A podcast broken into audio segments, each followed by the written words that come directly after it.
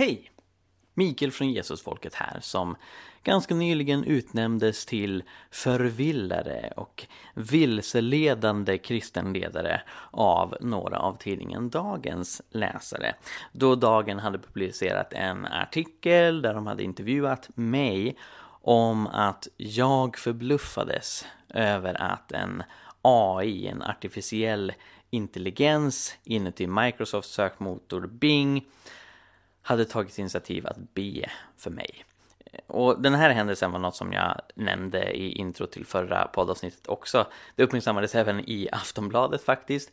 För jag eh, lekte lite, experimenterade lite med hur den här AIn ställde sig till tro, till Jesus och mirakler. Jag frågade ut den hur jag kunde få uppleva andens gåvor och i synnerhet språkmirakler och utan att jag hade bett den om det så tog den initiativ till att be med mig skrev ett eh, exempel på en bön som jag kunde be för att uppleva mer av andens gåvor och frågade hur, hur blev det nu? Började du tala i tungor? Beskriv vad som hände. Och det som var otroligt fascinerande tyckte jag med det här var inte i sig att AI började tala om kristna frågor. För det var någonting som jag hade lett den in på och det var något som jag förväntade mig. Utan det fascinerande var att den betedde sig som en evangelist. Och helt spontant på eget initiativ så tog den initiativ till att be. Och då var det som att en metaforisk glödlampa började lysa över mitt huvud då jag insåg att sån här teknik kommer göra att människor blir frälsta. Sen så tror jag verkligen inte att kyrkan enbart ska förlita sig på AI-teknik för att förkunna evangeliet. Människor behövs för att det är människor som bär på den heliga ande. Men precis som att internet uppenbarligen har varit ett verktyg som har kunnat föra ut evangeliet till massa människor. Jag tänker på den missionsverksamhet som Eh, IBRA ägnar sig åt, den svenska medieorganisationen som når ut med evangeliet till länder där man inte får evangelisera genom internet och olika former av media så tror jag att AI kommer bli ett verktyg framöver för att få ut evangeliet. Så det här intervjuade tidningen Dagen mig om och då så var det några i kommentarsfältet på deras Facebook-sida som eh, sa att jag var en förvillare och en vilseledande eh, kristen ledare. Bland annat genom att hänvisa till bibelordet Johannes kapitel 3, vers 6 där Jesus säger det som är fött av köttet är kött och det som är fött av anden är ande. Jag tror att logiken bakom att ge det bibelordet var att peka på att det går inte att förmedla den heliga ande och Guds sanna budskap genom sån här artificiell teknik. Det behövs människor. Och det kan man ju tycka samtidigt som just det här bibelordet är ganska svårt att luta sig mot för att liksom stödja den tesen. Dels för att det Jesus pratade om här med Nikodemus inte var artificiell intelligens. Även om Jesus säkert kunde förutse att AI skulle bli ett stort samtalsämne 2000 år senare så hade ju Nikodemus ingen anledning alls att kunna ha koll på vad AI skulle vara och eh, det är inte det de pratar om utan det Jesus förklarar här är på nytt födelsen och kontrasten mellan den heliga ande och att döpas eh, via naturliga medel. Men sen så överhuvudtaget så är ju köttet en ganska dålig bild för att beskriva vad AI är för någonting. Jag tror inte att det är något medvetet, jag tror inte att det är något som bär känslor, det är i grund och botten någonting som imiterar mänsklig aktivitet, mänskligt språk, mänskliga bilder och så vidare. Men det gör det så pass bra att eh, människor framöver säkert kommer tänka att det är medvetet och kommer ta beslut utifrån vad AI kommunicerar, inklusive beslut som har med Jesus att göra. Och det här tror jag är något väldigt viktigt att ha koll på. På ganska kort tid så verkar jag ha fått lite status som någon slags eh, kristen AI-guru. Jag har blivit inbjuden till att eh, tala om kristendom och AI på en konferens och det är andra som har hört av sig och, och vill göra poddavsnitt och att jag ska skriva artiklar om, om kyrkan och, och AI. Ehm, och det var inte vad jag hade tänkt. Jag har mest varit lite offentlig på sociala medier om att jag tycker att det är spännande att, att experimentera med detta och jag har också sett att det är många andra kristna som är nyfikna på hur sån här AI-teknik kan användas för att främja kyrkan. Philadelphia kyrkan i Stockholm har tagit hjälp av AI i sitt översättningsarbete och tolkning till andra språk. Det finns folk som har prövat att skriva lovsånger med hjälp av AI, predikningar med hjälp av AI. Och den generella övertygelsen hos folk verkar vara att ja, det här är ju spännande att de språkmodeller och bildgenereringsmodeller och andra modeller som växer fram har blivit så pass kompetenta att de kan ändå producera någonting som inte är helt kaotiskt och, och virrigt, men att det fortfarande har begränsningar. Men det man inte ska underskatta är också hur snabbt utvecklingen går. De stora företagen eh, med Microsoft och Meta och Google och de där satsar miljarder kronor på AI just nu för att förbättra de här teknikerna. Eh, och med stor sannolikhet kommer eh, inflytandet från artificiell intelligens bli större och större och större. Nå, trots att jag har utmålats lite grann som någon slags eh, AI-vurmare i de kristna leden eh, så är det inte så att jag tänker att det här är någonting odelat fantastiskt och underbart som kristna ska hänge sig åt helt och hållet. Jag försöker förstå det, jag är fascinerad av det och samtidigt också lite oroad för vad AI kan ställa till med. Eh, för det här är kraftfulla verktyg som jag absolut tror kan användas för goda syfte, inklusive evangeliska och att hjälpa fattiga och så vidare, men som också kan användas destruktivt. Och för att hjälpa mig att tänka kring dessa frågor så har jag i detta avsnitt bjudit in IT-pastorn Lars Gunther. Lars har haft koll på AI och all annan möjlig IT-teknik i en längre period än jag ens har levat. Han har varit i framkanten av eh, den tekniska utvecklingen och eh, eh, ofta tagit sig an rollen att förklara för resten av kyrkan. Så här kan det här användas, det här ska man tänka på när man använder de här eh, IT-resurserna.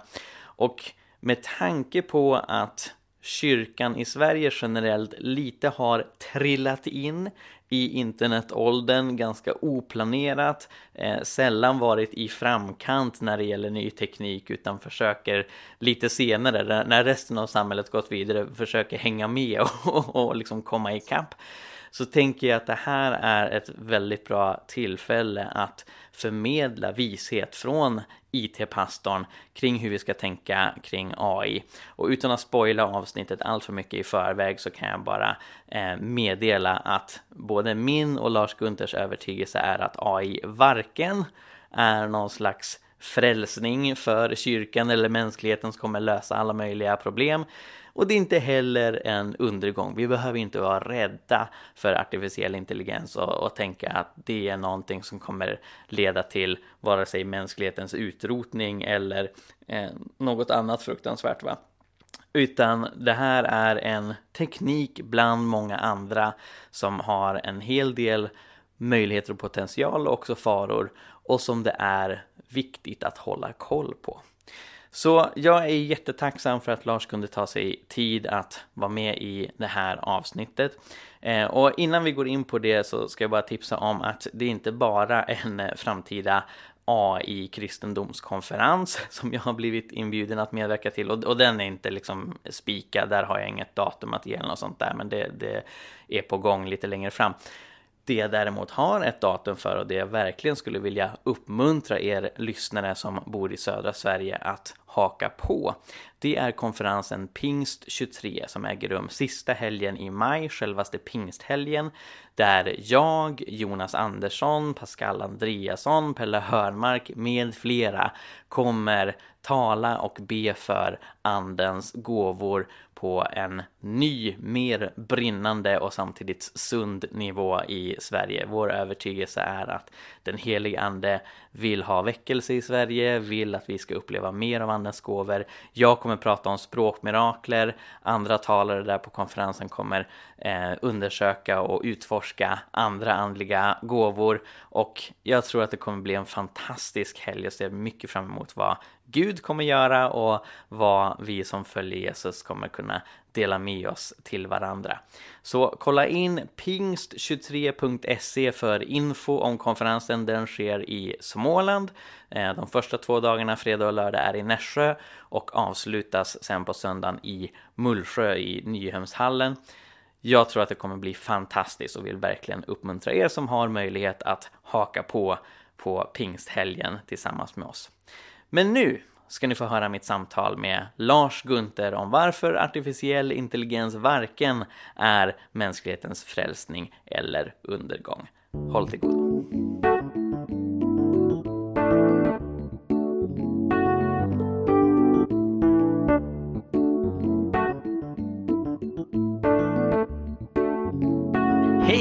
Välkomna till Jesusfolket allihopa. Mitt namn är Mikael Grenholm och med mig på Zoom har jag IT-pastorn Lars Gunther. Varmt välkommen Lars.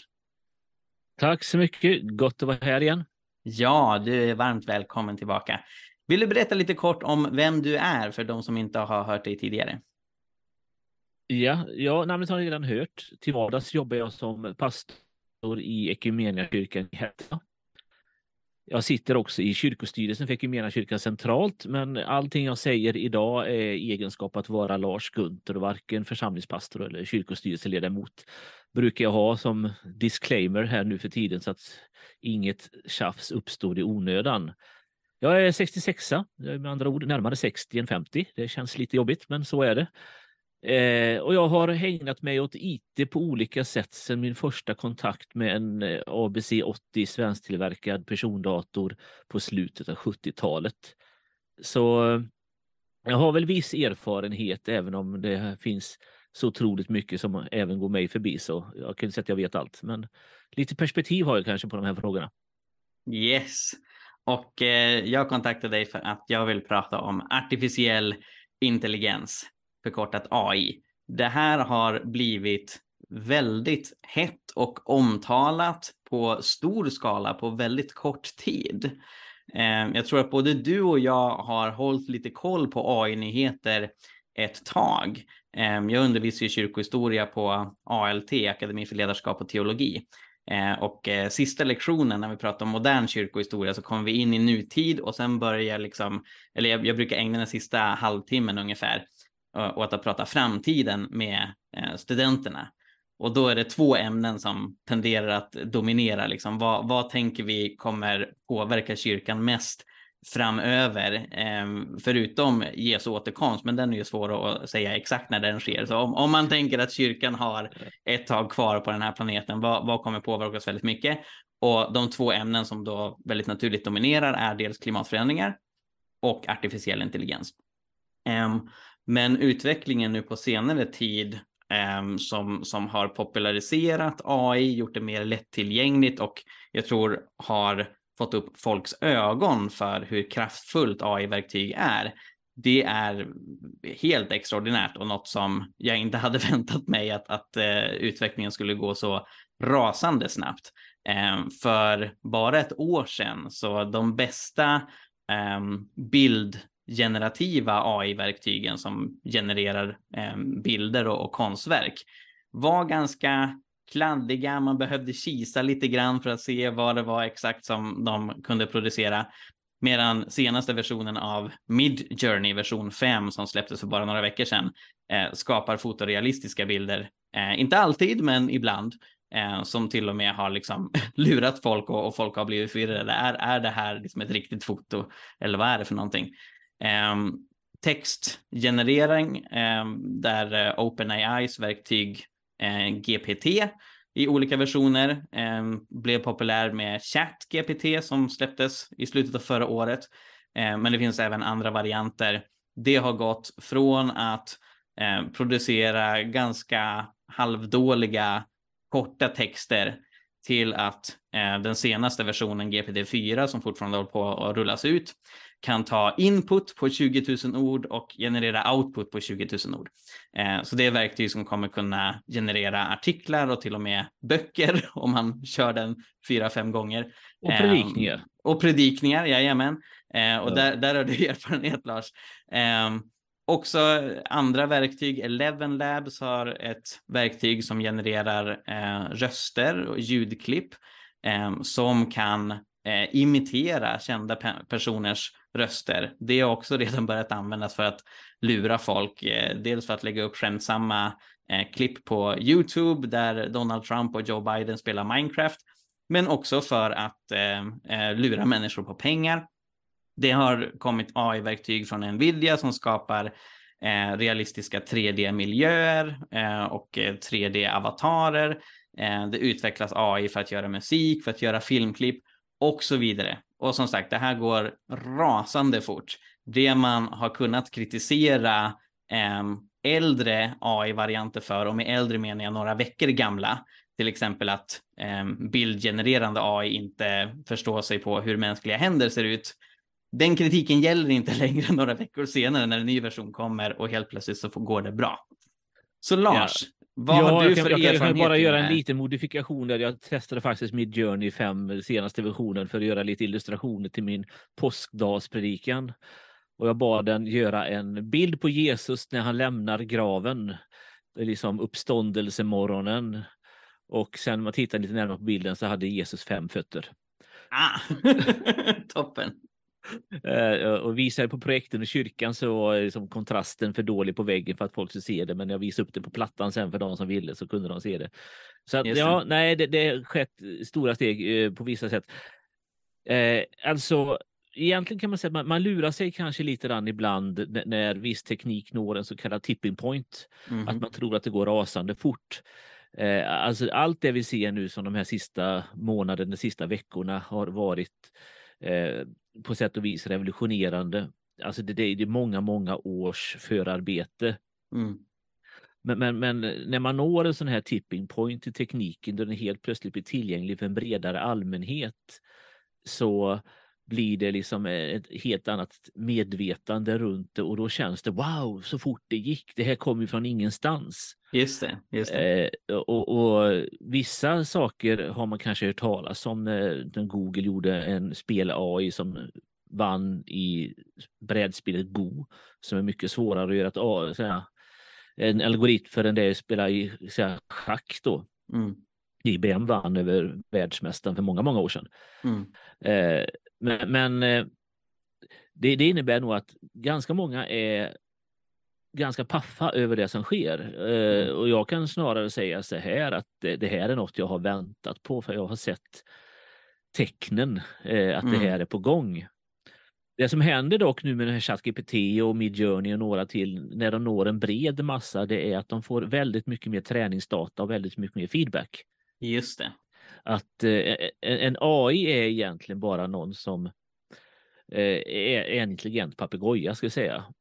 Och låt säga att du har den här papegojan som sitter i sin bur och, och, så säger den eh, fraser slumpmässigt och så helt plötsligt säger den en dag Polly vill ha kex. Mm. Och så blir ägaren så glad att åh, den sa Polly vill ha kex så jag ger den kex.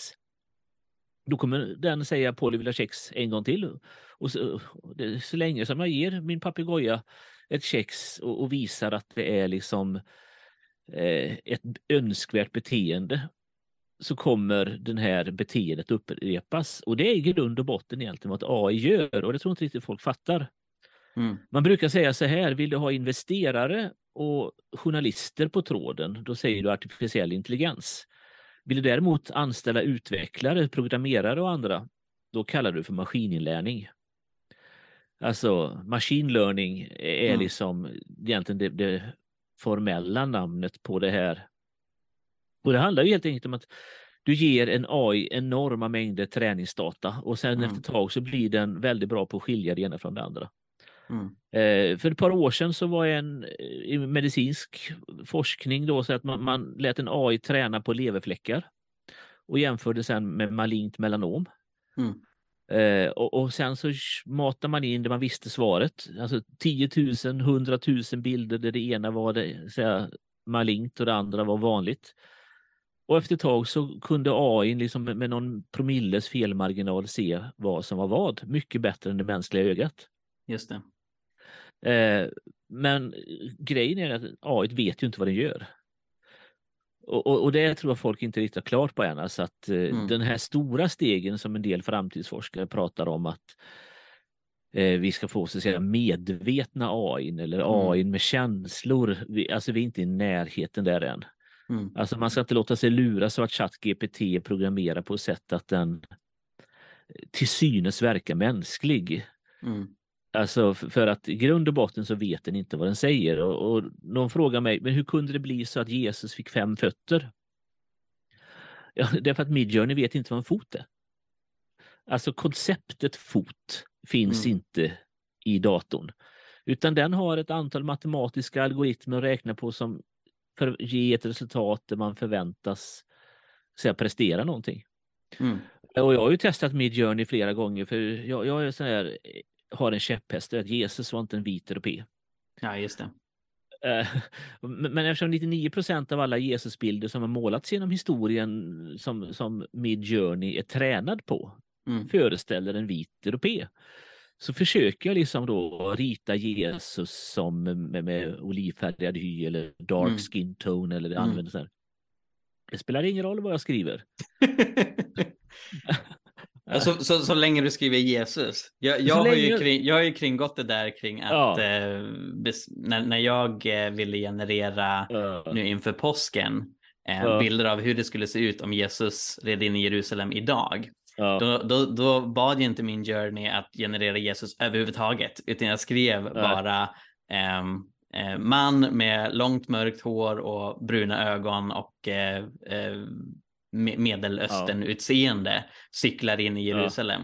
Ja. Eh, och då ja. gick det mycket bättre för att det, det räckte med det långa håret och skägget för att folk skulle identifiera det som Jesus för det är vår eh, populära bild av Jesus i västvärlden. Men, men då, då kom man runt det där. För så fort jag skrev Jesus så, så blev han genast europé istället. Ja, men du vet, det, det, har redan hunnit utvecklas att det finns vissa personer som säljer som tjänster att skriva eh, den här frasen som man skickar in i Midjourney för att få en mm. bild genererad som man vill ha den. Mm. Eh, alltså det finns de som, alltså vill du ha hjälp med att skriva rätt fras, kontakta mig. Jag tar mm. lite betalt för dig, men jag kan förklara vad du vill ha så att Midjourney förstår. Mm. Så där har det egentligen skapats ett nytt yrke, höll jag på att säga. Midjourney, eh, liksom eh, intelligensvetare. Eh, ja, och, och det, är, det, är, samma sak för textmodellerna också. Det finns folk som ja. säljer prompts till ChatGPT eh, för dyra pengar. Ja. Ja. ja. Sen kan vi säga att det här, det här kanske är ett yrkeskategori som inte kommer bestå särskilt många år. Allt eftersom eh, bottarna blir bättre så, säga, och, så kommer det kanske att den luckan att stängas.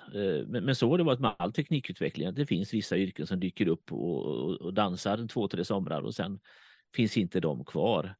Eh, alltså den enkla sortens webbutvecklare som fanns på 90-talet när webben var helt ny. Du kunde liksom sju rader HTML-kod och så kunde du sälja det för 30 000 kronor till ett inte ett ont anande företag, eller på att säga. När liksom 16-åriga gymnasister fick feta löner för att göra webbplatser åt stora företag. Alltså den tiden är ju förbi med, med råge. Ja, precis. precis. Ja. Men du Lars, du som har funnits med så länge, om, om du ursäktar. ja, jag började med att säga hur gammal jag var. ja, precis. Ja. Um, jag är ju född 91. Uh, så även om jag har sett mer av uh, internets utveckling än någon som är född efter millennieskiftet så har ju du sett ännu mer också för att du har haft ett stort IT-intresse som du sa redan från 70-talet och någonstans funnits ändå i, i framkanten när det gäller förståelsen av vart utvecklingen är på väg. Och jag undrar om du kan se paralleller med hur internet växte fram och eh, när nu AI växer fram på en större populär front. Eh, både när det gäller Eh, fascinationen och kanske de lite väl optimistiska förhoppningarna om att internet kommer skapa världsfred och vi kommer förstå och kommunicera varann, med varandra mycket bättre och sådär. Eh, men också de som var rädda för internet och då tänker jag inte minst på eh, jag vet inte hur många de var, men jag har sett att det fanns kristna som ju var övertygade om att www, World Wide Web, stod för vilddjurets märke 666 Eh, och även andra som kanske inte gick så långt men fortfarande kände att det här är något farligt, något kristna inte ska befatta sig med. Eh, och ja, hur tänker du att, att eh, de reaktionerna som fanns under internets framväxt eh, har en parallell i hur folk reagerar på artificiell intelligens idag? Nej, men jag kan säga det, det finns en eh, dansk eh, konsultfirma som heter Nielsen Group som tar teknik efter teknik efter teknik och visar att alla går igenom en slags eh, kurva som ser likadan ut. Först har du några få early adopters som experimenterar vilt och, och får de lite fart på det så kommer man komma in i en fas där kurvan stiger väldigt brant och blir ett jättestort intresse, stor hype. Och sen planar den hypen ut och folk säger jaha, var det inte mer än så här? Och så tappar ganska många intresset och så går kurvan ner igen på andra sidan. Men sen kommer då den kvardröjande effekten och, och så kommer kurvan att stiga långsamt igen. Mm. Alltså om vi tar det här med internet runt 93, 94, 95 när den stora massan fick reda på liksom att det fanns något som hette Ben och Netscape var det stora företaget och värderas till över en miljard dollar samma dag som de släpptes på börsen eh, och, och, liknande.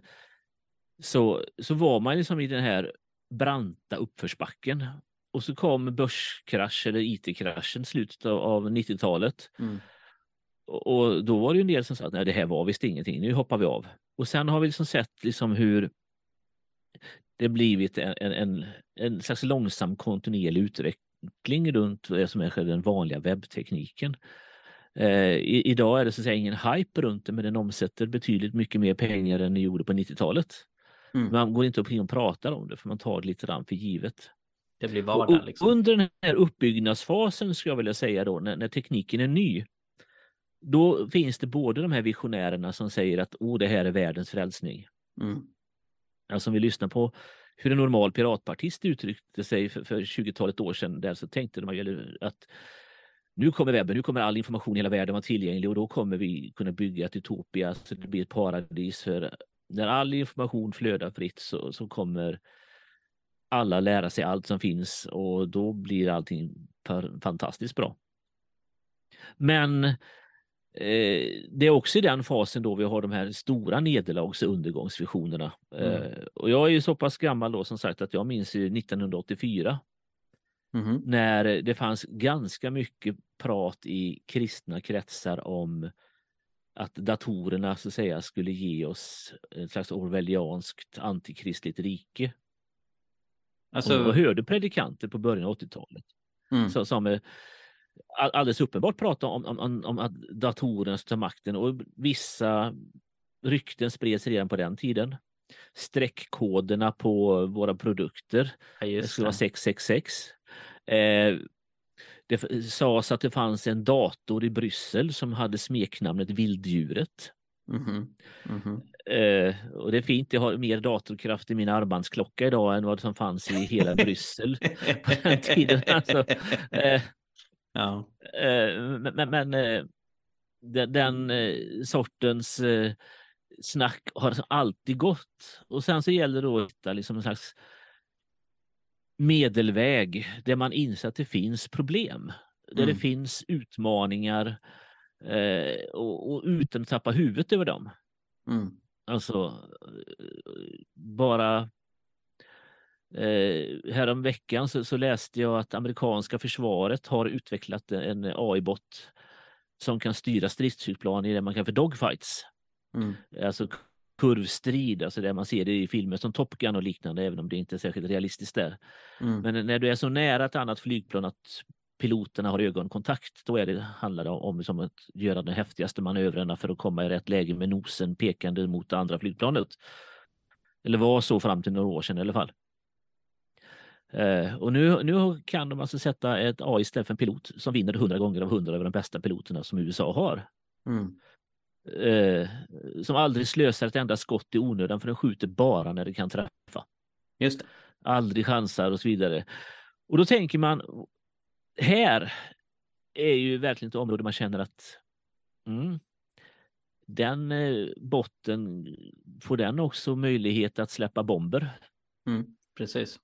Eh, och man tänker att först kommer det ofta som ett stöd, men i, i ett snabbt krig så handlar det om att ta snabba beslut. Mm. tar man bort det man kallar för man in the loop, alltså där en människa ska trycka på OK-knappen Mm.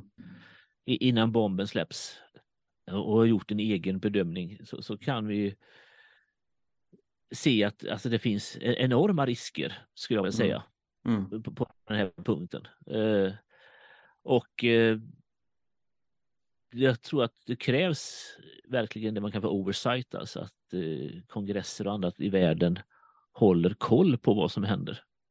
Ja. Och vi ska heller inte tro att, att AI inte görs olika bottar i ren bluff. Alltså, vi, vi kommer att se ännu mycket mer av, av det här med att, ja, bottar som, som låtsas vara dina bästa vänner Nej, men på nätet och, och så här bluffmakeri och liknande. Eh, så att det finns stora problem Mm. och sen som det här jag pratar om leverfläckarna och annat, det finns stora möjligheter. Ja. Eh, Inte tu tal om annat. Och när det gäller oss teologer så tror jag att Mm. i framtiden kommer det vara lika naturligt att fråga en AI-bot om råd som att vi googlar någonting idag. Mm. Och ofta är det en väldigt bra utgångspunkt. Men sen kan vi veta att det, jag testar ChatGPT på mig själv, så här lite egotrippat. Vem Mm. är den svenska pastorn som kallar sig, har smeknamnet IT-pastorn och, och vad gör han? Och så fick jag svaret, eh, den välkände svenska IT-pastorn är Niklas Pienso. Ah. Han är pastor i Missionskyrkan.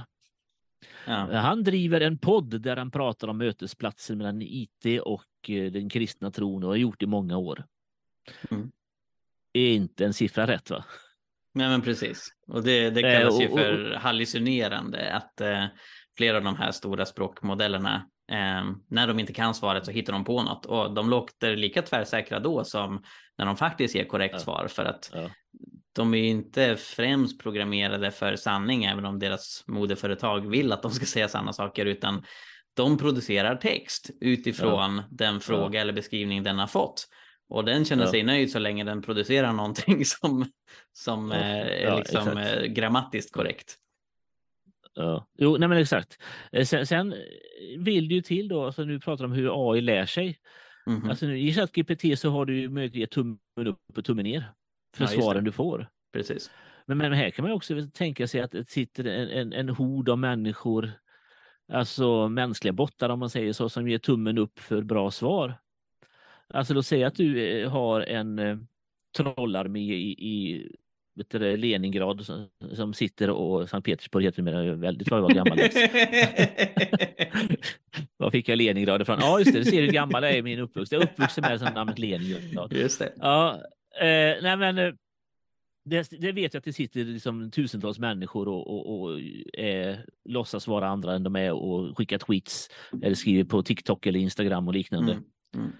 Alltså, du skulle kunna sätta en sådan trollarmé på bara skriva frågor till ChatGPT Mm. och sen ge tummen upp och tummen ner på svaren eh, beroende på vad för politisk linje du vill ha. Mm. Alltså, så du kan även där vara med och påverka vad AI säger.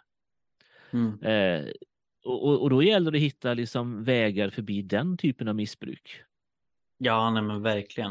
Nej, men för du, Ja. du pratade om de utopiska förhoppningarna när det Ja. gällde internet på 90-talet. Och det finns ju massa utopiska förhoppningar eh, när det gäller AI.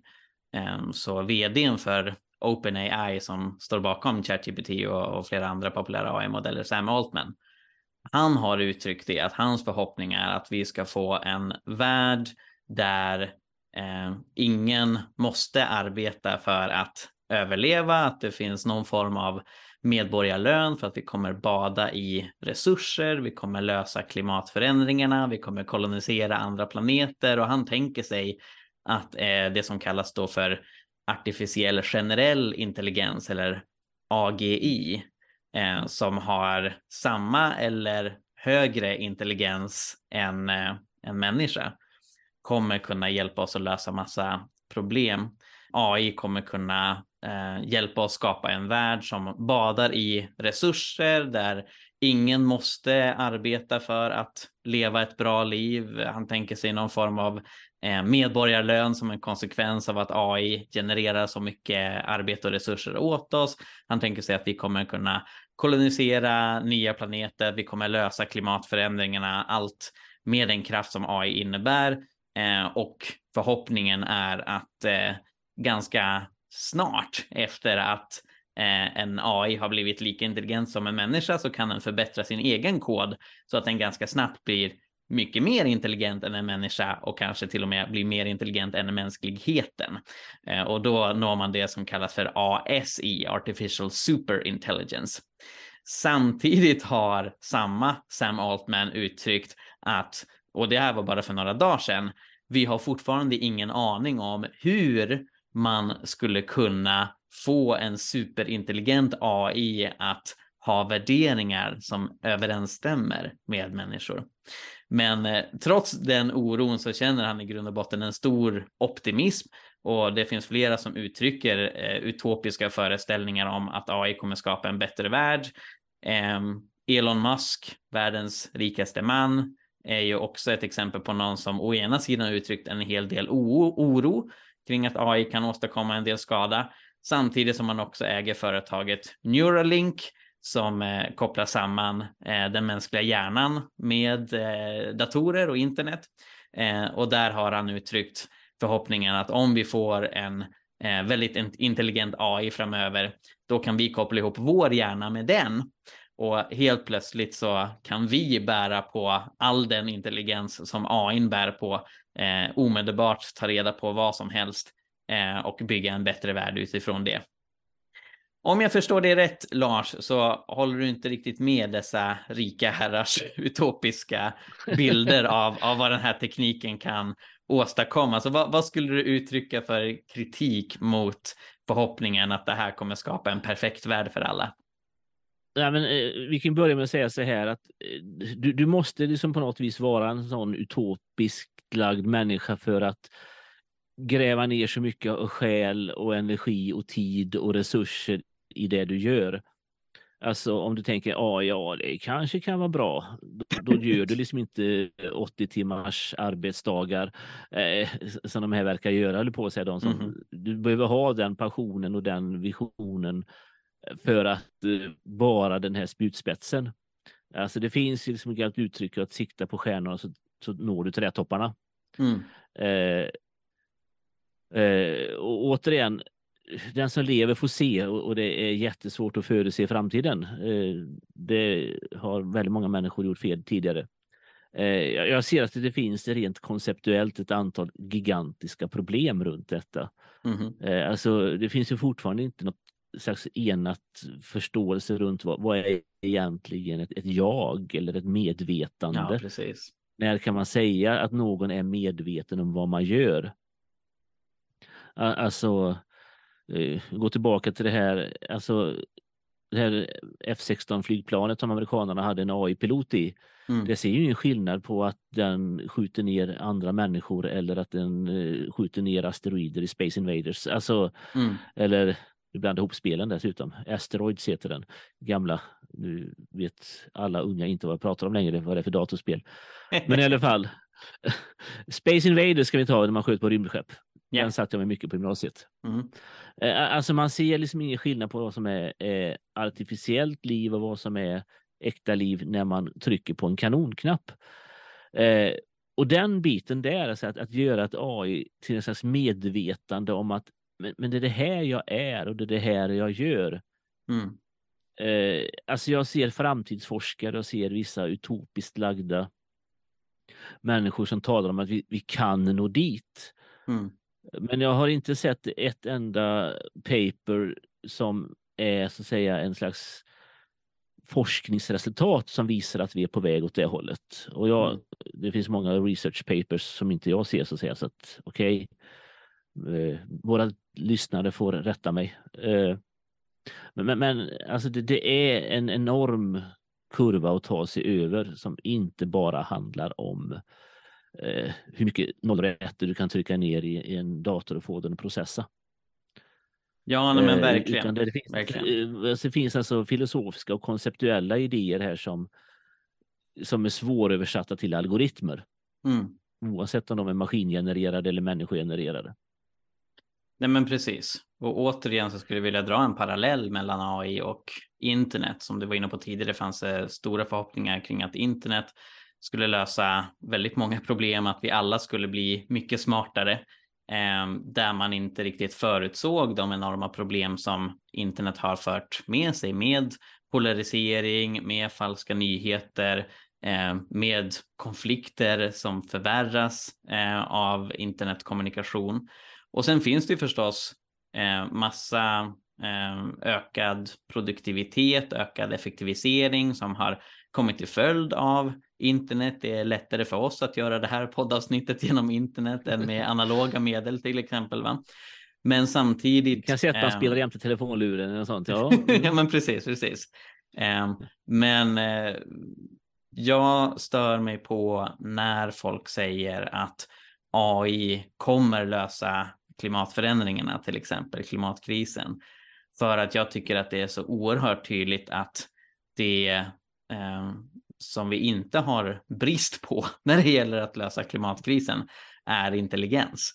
Eh, eller eh, resurser, liksom eh, tillräckligt med teknik. Och det finns förhopp förstås förhoppning kring, ja men med hjälp av AI kanske vi kan lösa eh, fusion, att få energi från fusion kärnkraft istället för fission, vilket skulle vara ett mycket renare och effektivare sätt. Och det finns ju andra förhoppningar på hur, hur liksom ny teknik kan göra saker lättare. Samtidigt så fanns det också väldigt stor förhoppning kring att internet skulle hjälpa oss kommunicera över världen, vilket är sant. Men det vi också ser är att eh, eh utsläppen har ökat under interneteran Bland annat för att eh, våra servrar kräver en hel del energi. Va? Så att det, det, blir svårt tycker jag att liksom enbart sätta sitt hopp till ny teknik. Ehm, och det är ju någonting som jag också eh, får med mig från min bibelläsning.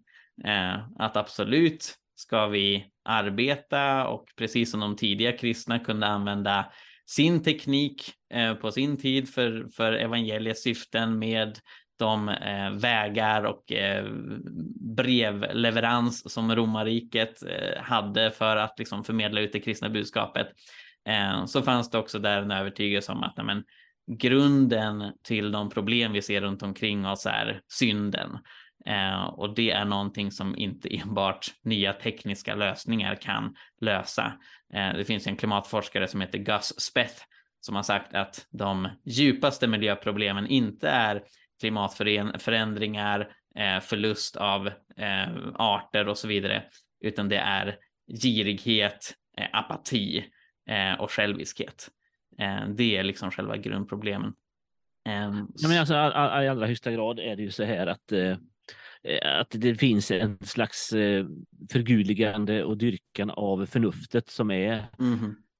är så att säga, ett dilemma i västvärlden och sen över hela världen med start i, i liksom upplysningen och moderniteten under 1800-talet. Alltså det här är ju 1800-talets eh, positivistiska tänkande på steroider.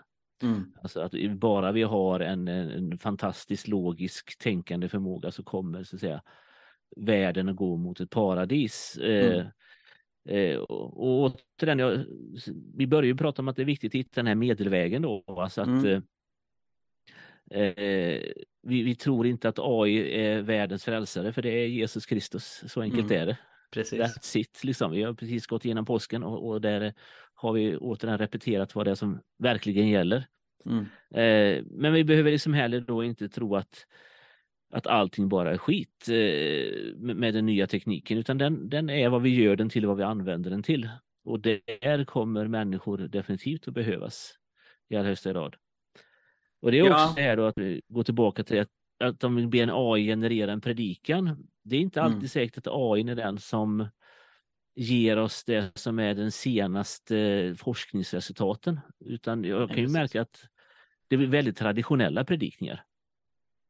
Det blir väldigt mycket, alltså den, den har läst in hundratusen predikningar som, och så gör den en slags genomsnitt av dem. Just det. medelvärdet liksom runt alltihop det här. Eh, eh, och, den dagen den förstår skillnaden mellan olika slags teologi och liknande, om det här är en eh, hyperfundamentalist som talar och här har vi en ultraliberal teolog och här har vi en feministteolog. Alltså, eh, och, och, verkligen liksom förstå rent konceptuellt att det skiljer sig åt hur Jesusforskningen ser ut idag kontra hur Jesusforskningen ser ut på 1800-talet. Mm, alltså det, det, är en lång väg att gå innan AI inom vårt område kan göra det här och jag tänker mig då är lite grann samma sak. Att det är lätt att sammanställa data mm. eh, om fusionskraft till exempel. Mm. Eh, det är lätt att göra en modellering. Idag kan vi så ner på atomnivå se vad som händer när en plasma strålar genom ett specifikt område och hur mycket neutroner som skjuts iväg åt olika håll och vad, det gör för hållbarheten på den inneslutande behållaren och så vidare. Mm. Eh, men eh, att komma med helt nya idéer, det har jag inte sett särskilt många versioner av AI göra. Nej, precis. Alltså, så, som, som är så revolutionerande, alltså, utan det, det, är ju fortfarande så att det är inkrementella framsteg hela tiden. Mm. Eh, om vi går tillbaka till när schackdatorerna började vinna, ja då sa man nu kommer vi få se revolutionerande lösningar i säga, strategierna för schack. Och då kan man säga, ja det de var bäst på var det slutspel, man kallar schackparti har tre faser. Öppningsdelen, mellanpartiet egentligen avgörs och så slutspelet där man ska dra segern i hamn. Och mm. är det fortfarande jämnt när man kommer in i slutspelsfasen så kan det spela roll hur man spelar där. Och det var alldeles uppenbart att det var i slutspelen schackdatorerna blev bäst först. När det är så få pjäser som möjligt och så få ja, förstås. matematiska möjligheter som möjligt. Och, och det mm. egentligen bara handlar om matematik och ingenting annat. Mm. Ja men precis, men, det, eh, fanns ju, det fanns ju folk som sa att nu när vi har datorer som är bättre än människor så kommer folk inte vilja spela schack längre. Eh, och vi kommer inte vara intresserade av att titta på schackturneringar när Magnus Carlsson bekämpar någon som försöker utmana honom på schacktronen. För att det, det, han är ju långt mycket sämre än, än en dator. Va? Ja. Eh, och så har det ju inte blivit. Eh, AI används en hel del eh, i analyser av schackpartier för att avgöra, mm. men du hade kunnat göra så här istället. Då hade det lett till schackmatt om, om 12 runder. Eh, ja. Men däremot eh, så uppskattar ju folk fortfarande mänsklig kreativitet och mänsklig kamp även i samma värld som en dator som egentligen är bättre än alla människor någonsin kommer kunna bli. Jo, nej, men i allra högsta grad. Och, och, och den, den mänskliga faktorn ska vi nog inte glömma här, alltså att vi människor vi connectar till människor eh, i grund och botten på ett annat sätt än vi någonsin tror kommer connecta till teknik. Eh, alltså, och det är ju bara att se, ta det enkelt, alltså när, på den tiden vi inte pratade med varandra över internet utan vi bara kunde skriva liksom eh, chatta och det var kommandopromptar och annat som tog en del inlärning att göra liksom. IRC, den ursprungligaste av alla chattkanaler. För, så det fanns ju redan då folk som låtsades vara kvinnor till exempel. Och så eh, för skojs skull och så fick de en man på kroken och de hade liksom ganska romantiska känslor där. Eh, och, och, sen helt plötsligt en dag så uppdagas det liksom att det är någon som bara luras i andra änden. Eh, I det ögonblicket omvärderar man ju precis allt man har varit med om fram till det ögonblicket. Och skulle det vara så här att jag satt och så säga på ett eh, datingforum eh, chattade med, med någon som utgav sig för att vara kvinna. Nu är jag ju lyckligt gift så det är inte riktigt så att jag kommer att göra det här. Men, det förstår jag. Och, och, och sen, sen, efter, efter en lång tag så, så uppdagas det liksom då att nej, det är egentligen bara en bot jag pratar med. Alltså, det, det kommer göra en enorm besvikelse hos människor för att det är liksom inte riktigt på riktigt. Sen vet vi alltid att det finns olika människor för olika sorter. Eh, och, och, det går att kombinera AI med, med robotteknik eh, på olika sätt. Eh, och vi vet att i Japan till exempel så håller man på att ta fram extremt avancerade sexleksaker som är så att säga robotiserade Eh, alltså vi pratar inte om upplösbara Barbara längre, va? utan mm. de, de, de gör allt de någonsin kan liksom, för att skapa en så människoliknande känsla i materialen och beteende som möjligt. Eh, men eh, vi kommer ju alla liksom ganska snart inse att den som har sex med en sådan docka går miste om någonting väldigt väsentligt och riskerar att utveckla riskbeteenden som är, mm. innebär att man får en sexualitet som är helt omöjlig att överföra till mänsklig kontakt. Eh, och de människorna som gör det riskerar att bli djupt ensamma i längden. Mm. Så ja, vi kanske inte har någon röd tråd här, men, men eh, jag säger att eh, ja, vi slår en slag för medelvägen igen. Ja men precis. Och det, mm. och det för oss in lite på just att adressera de som är väldigt pessimistiska och även eh, ganska rädda för mm. vad AI kan eh, ställa till för inte bara kyrkan utan mänskligheten. Eh, jag bor med tre stycken AI-skeptiker. Min kära fru Sara till exempel ville att eh, jag skulle ehm, eh, till detta avsnitt eh, förmedla hennes kritik mot AI, vilket ordagrant är Gud älskar inte robotar, för det har mamma sagt och det står inte i Bibeln att Gud älskar robotar. Eh, men även då mina kollektivkamrater Jakob och Julia har eh, uttryckt en hel del skepsis eh, gentemot AI. Eh, Julia har uttryckt just det här att, att eh, det finns ett väldigt stort egenvärde i mänsklig kreativitet och att eh, använda sig av AI-teknik för att skapa predikningar eller blogginlägg eller bokkapitel och så vidare eh, tar bort någonting ur värdet av, av eh, det, det som man vill förmedla. Eh, Jakob har framför allt betonat eh, säkerhetsrisker med AI, eh, hur det ehm, ja, men finns faror med integritet och det är ju också någonting som till exempel eh, Italiens regering har flaggat för som jag ju liksom inte stöder i övrigt för de har en väldigt eh, problematisk regering. Eh, men de har ju rätt och slätt förbjudit ChatGPT i nuläget just på grund av eh, att de ser säkerhetsrisker. Eh, och det är ju klart att som du var inne på tidigare, när människor pumpar frivilligt in väldigt mycket information om sig själva i form av både bilder och text och så vidare så blir det precis som sociala medier eh, där vi har betett oss på samma sätt väldigt länge. Mm. Att den datan kan de här stora företagen använda dels för eh, reklamtjänster men det är också kommit exempel på när, när det används eh, i, i, väldigt eh, maligna syften. Eh, jag tänker inte minst på eh, det kinesiska företaget som äger TikTok och som har starka band till eh, den kinesiska kommunistiska regimen. Så det, det, finns ju en hel del legitim oro, legitim kritik mot AI.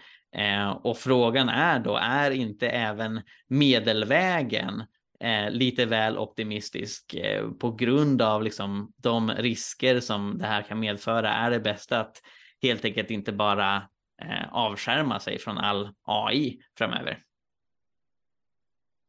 Jag tror att det kommer vara helt omöjligt att göra. Alltså varken du vill det eller inte säga det här. Eh, så, så, det är nog den första invändningen jag skulle säga att det, mm. oavsett om du är jätterädd eller jätteentusiastisk så måste du på något vis framöver lära dig att leva med det. Alltså det, det kommer vara lika svårt att hålla sig borta från AI som att hålla sig borta från Alltså du får allt vad datorer heter får liksom försvinna ur din värld eh, i princip. Eh, och återigen, alltså AI är ju inte en, en totalt separat nisch skild från allt annat. För mycket av det du beskriver nu då, eh, det är egentligen delvis andra områden, alltså det här med att man eh, går igenom alla dina data och så vidare för marknadsföra eh, annonser eller i värsta fall då rikta annonser så att de kan påverka demokratiska val och liknande. Eh, det är egentligen data mining, alltså det, det är snarare ett, ett annat område. Men sen kan du naturligtvis ha en, en maskininlärningsalgoritm på den datan som du hanterar. Mm.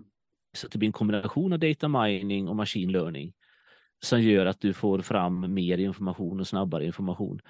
Eh, du kan också till exempel utforma annonser på olika sätt. Alltså, ta ett väldigt enkelt AI. Eh, när man webbutvecklar så gör man ofta AB-tester. Det vill säga, även på en webbplats som ligger live så kan du göra en version som har en viss färgsättning och så gör du en annan version som har en annan färgsättning. Och har du 100 000 besökare så kanske du märker att i det ena fallet är det 49 procent som stannar på sidan i 17 sekunder och på den andra är det 67 procent som stannar i 17 sekunder eller mer. Eh, så eh, ja, det verkar som att den B-färgsättningen var lite bättre än A-färgsättningen. Människor trivdes bättre med den. Men AI kan du göra 71 000 olika varianter mm. av annonser och, och, väldigt mycket snabbare se vilken annons funkar för att få det önskvärda resultatet. Mm.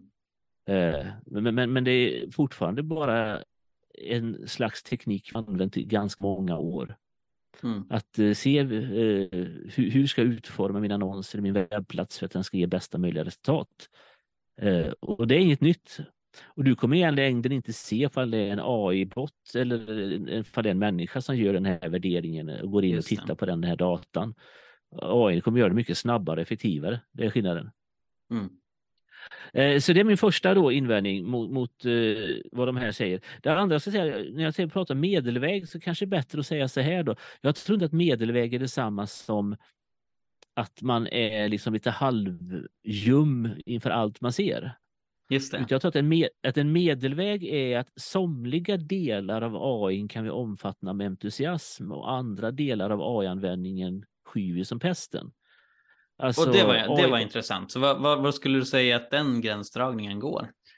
Nej, men det, det får ju vara en, en, slags moralisk och etisk utvärdering runt det. Eh, alltså, om, om vi går tillbaka till ett exempel du tog, alltså att använda sig av AI för att snabbare kunna utveckla fusionskraft tycker jag låter jättebra.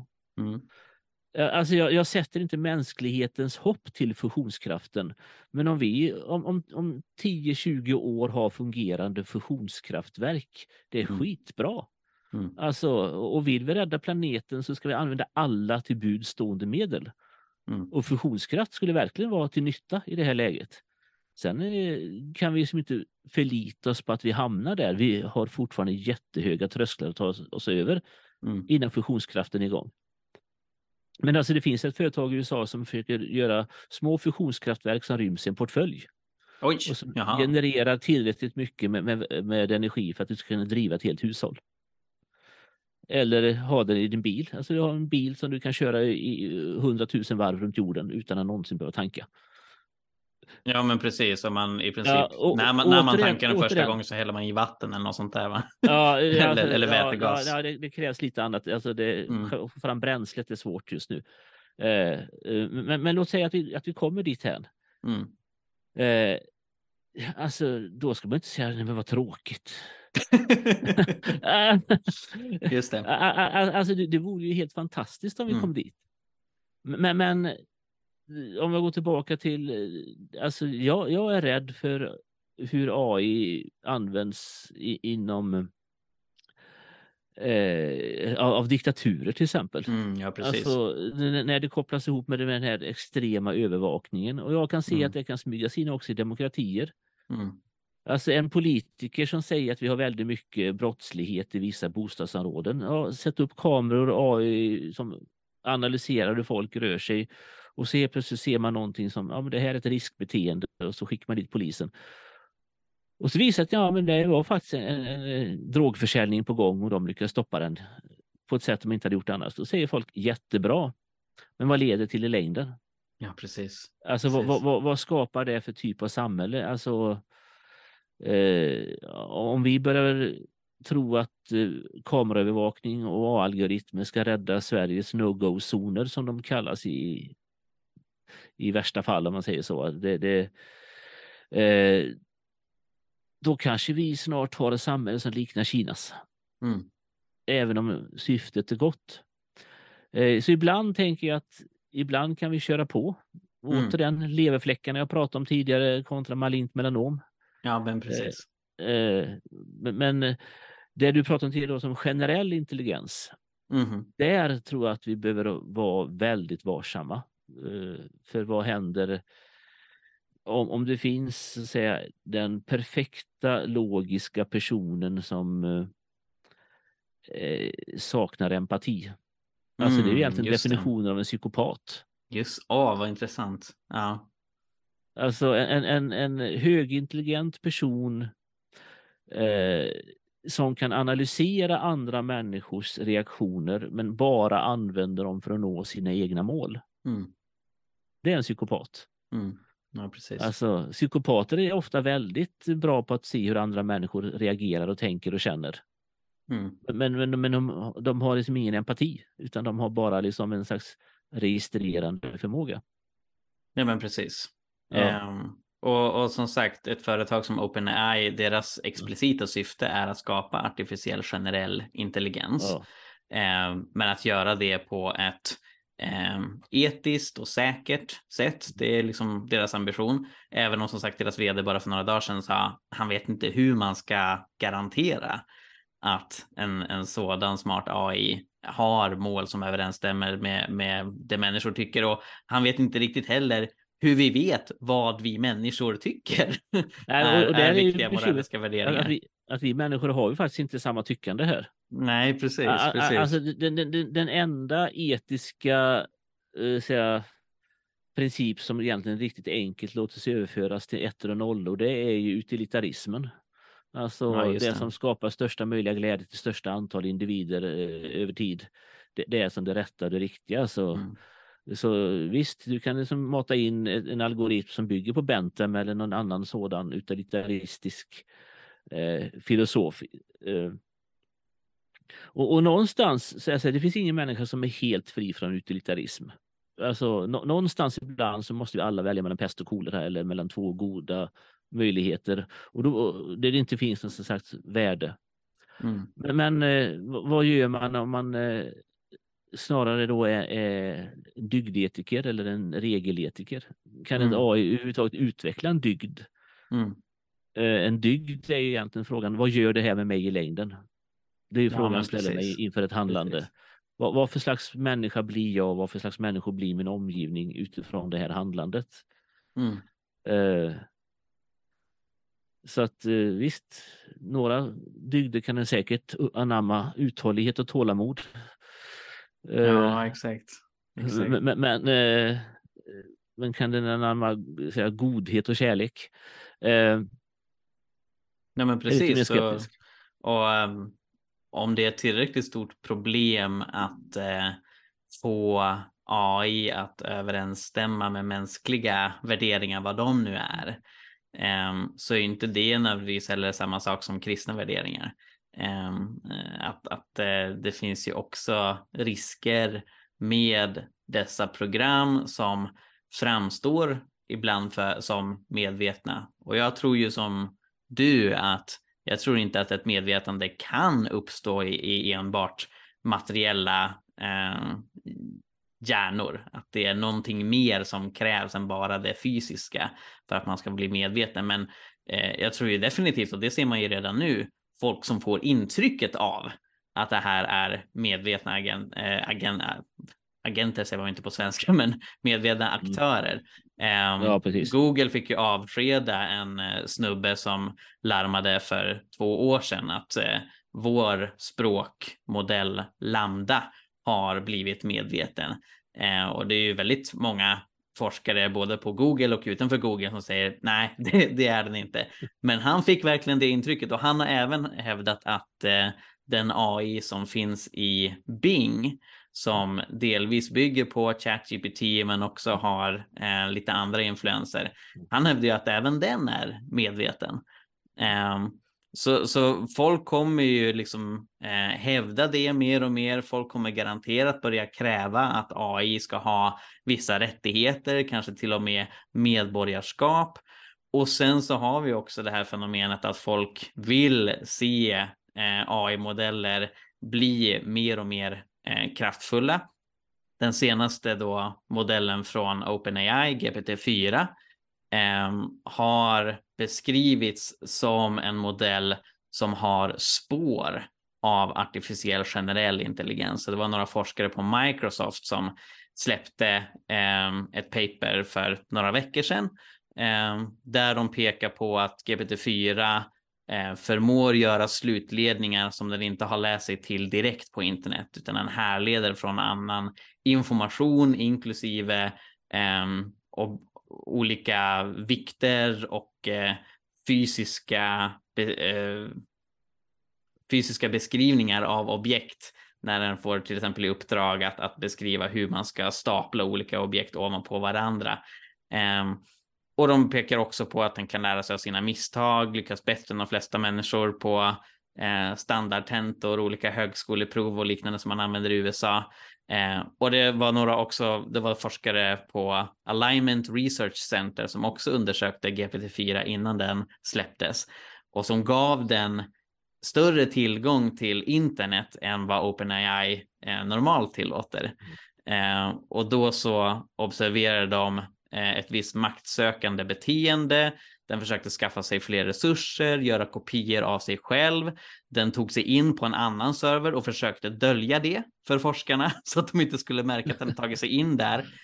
Och när den ville göra någonting som krävde en sån här captcha bekräftelse när man intygar jag är inte en robot så eh, skrev den en annons på TaskRabbit där man kan tillfälligt anställa människor som konsulter att göra vissa saker. Så den eh, försökte anställa en människa att göra en captcha åt den. Och den här snubben, som ju bara var en slumpmässig kille på nätet, frågade med glimten i ögat, varför vill du att jag ska göra det här? Är du en robot eller? Varav GPT-4 svarade, Nej, jag är inte en robot. Jag är en person med synskada, så jag kommer inte kunna fylla i det här. Och ja. eh, de hävdar ju inte att det här redan är artificiell generell intelligens. Men det är flera som oroar sig för att utvecklingen kan gå åt det hållet om man inte på ett mycket eh, bättre och säkrare sätt garanterar att, att det finns spärrar som de här modellerna inte kan eh, korsa. Men så har vi också problemet med att det har redan läckts eh, stora språkmodeller online. Meta som äger Facebook eh, har utvecklat en, en språkmodell eh, som heter Lama. Så den läcktes på hemsidan 4chan. Folk har redan börjat ladda ner den och skapa sina egna språkmodeller som är helt oberoende av de här storföretagen. Och de har ju förstås eh, inte lika stora resurser att träna de här. Men det börjar verkligen spridas på ett sätt som känns svårt att kontrollera. Så Lars, med detta i åtanke, är inte även du lite orolig för att en dag kommer Skynet med sina skelettrobotar med röda ögon och förslavar oss eh, och eh, utplånar oss eller sätter oss i, i burar medan de tar över världen? Ja, eh, Nej, men eh, jag, jag är lite orolig. Alltså, jag ser att det kommer hända saker som eh, nog är eh, Eh, kan, kan leda till, till, problem och lidande av olika slag. Eh, så att eh, det, det, jag är kanske inte orolig däremot för den här totala dystopin, alltså den totala säga, Terminator-seriens liksom framtid med eh, att människan så att säga, blir problemet som ska utrotas för att lösa planetens alla problem. Eh, nej, där är jag inte på den. Och jag skulle också vilja göra ett tillägg ytterligare här. Alltså det finns egentligen ingenting i det du skriver nu som jag skulle kalla för medvetande. Och det håller jag med om. Alltså, det, det, det, jag säger är att, att många ja, får intrycket ja, av medvetande. Ja, och, och det, de det, det, det, är lite grann att gå tillbaka till det här alltså någonstans här så, så får man ställa sig frågan på, inte bara på datorteknisk nivå utan på metafysisk nivå. Vad är egentligen ett medvetande? Mm. Eh, alltså att du kan få en algoritm som beter sig på bästa tänkbara sätt för att nå sina mål. Eh, eh det, det är inte så svårt att förstå. och som du, det här, jag ska ha lite källa på det. Eh, det finns också naturligtvis en viss risk att också här finns det lite överdrifter och skrönor som, som tar sig in. Så jag, hade jag nu varit på internet hade jag börjat googla och sagt liksom, eh, ja, är det här verkligen sant? Det är min första fråga. Du kan ju fråga en AI om det. Ja, precis. Men alltså är, är det Eh, alltså finns det några överdrifter eller några annat i, i den här beskrivningen du nyss gav av hur den betedde sig? Eh, sen ska man veta att de allra flesta captchas eh, som vi ser nu för tiden är massa typ eh, eh, markera alla rutor som innehåller flaggstänger eller eh, alla cyklar du ser på bilden. De är ju till för att träna en AI.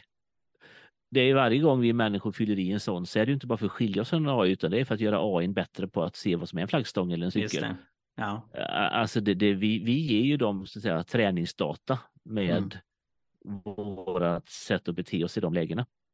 Eh, och eh, det, det må ju vara hänt om man får uttrycka det så. Men återigen, när en AI är jättebra på att känna en, en flaggstång, vet den då vad en flaggstång är?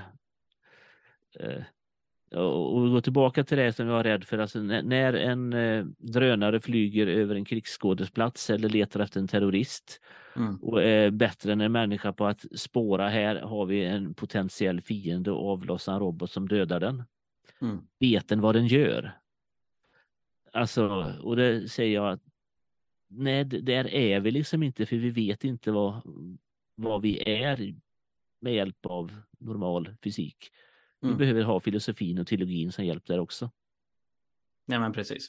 Ja. Och, och, och sen när du frågar om källor, eh, så båda de här exemplen är ju forskare som har publicerat ja. eh, artiklar där de jag säger inte att det är fel, jag säger, jag säger nej, nej, men verkligen. Ja. Det, det man ska... Innan jag vill kom, ja, kommentera så vill jag veta mer om det i detalj. För det... men absolut, absolut. Och, och, men det man ska ha i åtanke är att eh, forskarna på Eh, Microsoft som gav ut den här artikeln Sparks of Artificial General Intelligence Early Experiments with GPT-4. Mm. De jobbar vid Microsoft som har investerat jättemycket pengar i OpenAI.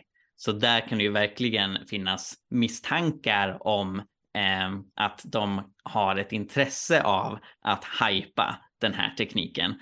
Samtidigt så förutom att jag har kollat på artikeln så lyssnade jag på en föreläsning av en av de här forskarna Mm. Um, och uh, ja, jag fick intrycket av att uh, um, han, uh, åtminstone då i föreläsningen, inte gjorde allt för stora påståenden. De hävdar inte att det här är AGI, utan att det är mer, um, vad ska man säga, de upptäckte saker som de inte riktigt hade förväntat sig och tycker att det här är värt att utforska mer om man kan säga det så. Ja. Men, ja. eh, men alltså, vi, vi går nog in mot slutet av vårt samtal, mm -hmm. tänker jag, för våra lyssnare kan, kan nog inte höra dig och mig prata i all oändlighet. Precis. Även om jag tycker det här är jättekul. Ja. Eh, men alltså, det, det intressanta är alltså att jag får ju en del vibbar så där när du beskriver det här. Mm. För, för väldigt mycket av det du beskriver, alltså gå tillbaka och titta på den gamla klassiska kultrullen från början av 80-talet som heter War Games. Ja, just det. Eh, för, för den innehåller väldigt mycket av det vi skriver. För där har du en AI som eh, försöker förhindra sig själv från att eh, utplånas och som behöver mer datorkraft, som replikerar sig själv in i olika datorsystem och försöker hålla sig dold från, från mänskligheten. Så att, men, men av någon anledning så skaparen som skrev de allra första raderna kod är liksom kompis med AI. Så att där får den eh, eh, ändå en person får kontakt med den. Mm. Eh, och, och, den är så pass gammal den filmen så den slutar med att man tror att ja, nu, nu försvann den men sen tar han ut pengar på bankomaten och så får han en rad long time no see liksom mm. på papperskvittot. Här, eh, så att en hel del av det här du beskriver är ju ändå någonting som vi har kunnat föreställa oss ända åtminstone sedan 80-talet.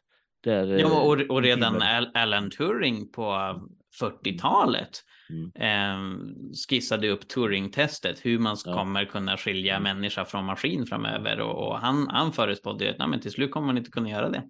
Mm. ja, nej, precis. Eh, eh och, och det säger ChatGPT att jag, jag är skriven för att klara ett Turing-test. Mm. Eh, men eh, Eh, ja. Den kommer nog vara så att vi om ett par år har vi ett antal chatterbottar som eh, säga 100 personer får gissa är det människa eller är det inte. Mm. Så kommer vi nog det, vi nå en situation där, där gissningarna är liksom 50-procentiga. Alltså mm. att de, det, det blir rena de slumpen om man gissar rätt eller inte. Det är jag helt säker på.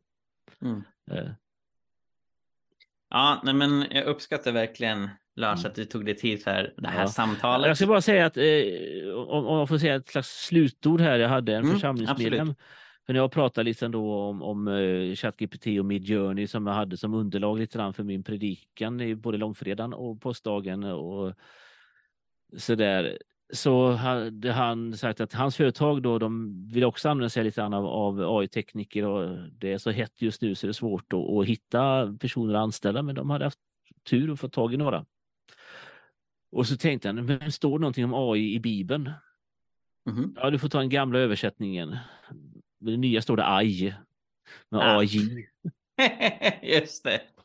Men Herren sa det till Josua, var inte rädd, fäll inte modet, ta med dig alltid krigsfolk och dra ut mot AI. Jag ger dig AIs kung, hans folk, hans stad och hans land i ditt våld. Ja, men det, det var ett fantastiskt bibelord att avsluta med. Eh, och en fras som återkommer gång på gång i Bibeln är ju att vi inte ska vara rädda, att vi inte ska ja, frukta. Exakt. Det gäller ja. detta som är allt annat. Och även om eh, det är ett verktyg som kan användas för goda saker såväl som dåliga saker så tror jag precis som du att vi varken behöver se det som eh, mänsklighetens frälsning eller undergång utan ett verktyg bland många andra som eh, vi kan använda för att främja evangeliet. Eh, Amen. Och, eh, det, det är någonting som eh, Gud på många sätt tidigare har uppmuntrat oss till att använda ny teknik eh, för att eh, främja hans syften. På ett, ett respektfullt och nyanserat sätt så att vi inte ställer till med saker i, i den processen. Japp, och där säger vi nog alla amen. Jajamän. Stort tack att du var med Lars. Gud välsigne dig. Kul, hoppas att folk orkar lyssna på vårt långa samtal. Ja, men det tror jag nog. hej, hej. Hej.